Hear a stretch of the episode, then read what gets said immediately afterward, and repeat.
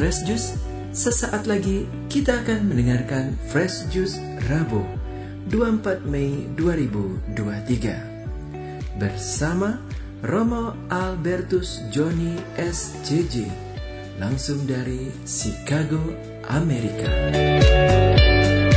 Sebelumnya, ada informasi bagi kita semua. Kami akan mengadakan weekend rohani muda-mudi atau yang berjiwa muda bersama Romo Albertus Joni SJJ pada hari Sabtu 1 Juli sampai Minggu 2 Juli 2023 bertempat di rumah retret Karmel Bedugul. Adapun biaya mulai 150.000. Untuk pendaftaran bisa menghubungi Flow di nomor WhatsApp 0813 5390 4939. Akhirnya, mari kita mendengarkan renungan hari ini.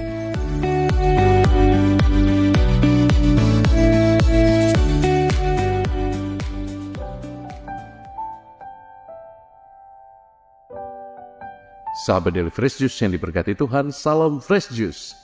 Hari ini 24 Mei 2023, saya Romo Albertus Joni SCY mengundangmu untuk masuk ke wilayah sabda Allah yang menghidupkan, yang menyegarkan.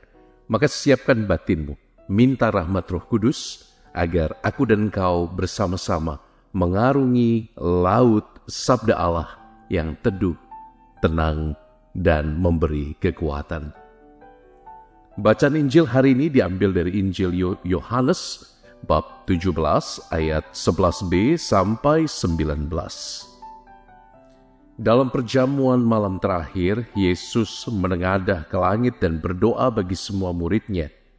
Ya Bapa yang kudus, peliharalah mereka dalam namamu, yaitu namamu yang telah engkau berikan kepadaku, supaya mereka menjadi satu sama seperti kita Selama aku bersama mereka, aku memelihara mereka dalam namamu, yaitu namamu yang telah engkau berikan kepadaku.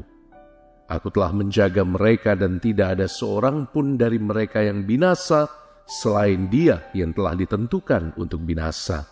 Supaya genaplah yang tertulis dalam kitab suci. Tetapi sekarang aku datang kepadamu.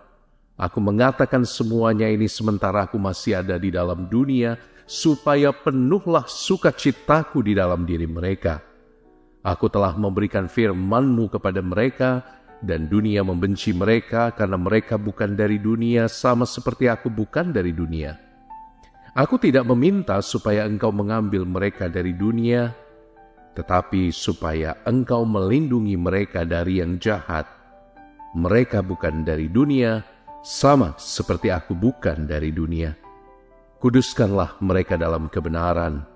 Firmanmu adalah kebenaran. Sama seperti engkau telah mengutus aku ke dalam dunia, demikian pula aku telah mengutus mereka ke dalam dunia, dan aku menguduskan diriku bagi mereka, supaya mereka pun dikuduskan dalam kebenaran. Demikianlah Injil Tuhan. Terpujilah Kristus. Sahabat Daily Fresh Juice yang diberkati Tuhan, salam Fresh Juice. Alkisah ada seorang remaja yang menimbang apakah akan memasukkan 20 ribu atau 2 ribu rupiah ke dalam kantong persembahan saat Ekaristi. Dengan berat hati karena dia ingin pergi jajan bersama pacar tercinta, dia masukkan uang 2 ribu rupiah. Tapi tidak lama kemudian, seorang bapak yang melihat semua kejadian itu dia menepuk pundak si remaja laki-laki ini dari belakang dan dia menyodorkan uang 300 ribu. Si pemuda itu tersenyum, tersipu-sipu, malu.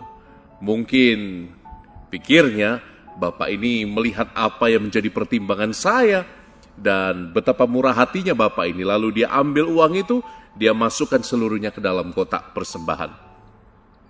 Tidak lama kemudian si bapak yang ada di belakang tadi berbisik, nak, engkau sungguh murah hati, luar biasa. Loh, kok bisa pak saya cuma masukin 2000? Tadi uang 300 ribu itu jatuh dari puji syukurmu. Saudari-saudaraku yang diberkati Tuhan, selalu ada jalan misterius bagi Tuhan berkarya dalam hidup kita, bukan? Kadang-kadang di luar perhitungan manusia, kita menjumpai bahwa Allah menggunakan semua yang ada pada kita, bahkan juga kelemahan-kelemahan kita, untuk membawa sukacita dan kemuliaan bagi namanya. Teman-teman yang diberkati Tuhan, seringkah engkau kadang-kadang merasa bahwa kita tidak cukup pantas untuk melayani Tuhan? Kita tidak cukup pantas untuk punya relasi yang intim dan hangat dengan Dia karena kelemahan, kedosaan, karena mungkin masa lalu kita yang tidak baik-baik saja. Mungkin karena kita sadar bahwa kadang-kadang antara omongan dengan perbuatan belum sinkron. Ada begitu banyak seribu satu alasan yang membuat kita lebih melihat kekurangan kita daripada kelebihan kita. Dan ini fenomena yang semakin umum di zaman modern. Zaman modern dengan logika perfeksionisme mengajarkan pada kita bahwa engkau harus baik dulu, bahwa engkau harus sempurna lebih dulu, baru engkau dapat melayani Tuhan.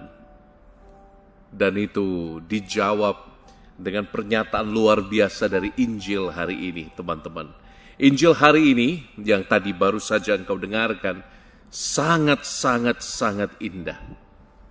Yesus berdoa bagi para muridnya agar mereka dikuduskan dalam kebenaran dan firman Allah adalah kebenaran. Apa artinya? Yesus sadar benar bahwa murid-muridnya bukanlah kumpulan orang yang sempurna. Hello. Anda lihat orang-orang yang dipilih Yesus ini. Orang-orang biasa. Orang-orang sederhana. Mereka yang sepanjang hidupnya menjala ikan. Mereka yang sepanjang hidupnya berdagang. Mereka yang sepanjang hidupnya melakukan hal-hal kecil dan biasa seperti yang kita lakukan juga, bukan? Tapi mereka dipilih. Dan lebih dari itu mereka dikuduskan. Kelemahan para murid tidak menjadi alasan Tuhan untuk berhenti menggunakan mereka. Dan dan ini sesuatu yang istimewa teman-teman. Bahkan kita lihat misalnya Petrus yang kita tahu orangnya suka panas hati, tapi dia pula yang paling cepat menyangkal, bukan? Disangkalnya Yesus tiga kali. Kau lihat pribadi Santo Thomas Rasul.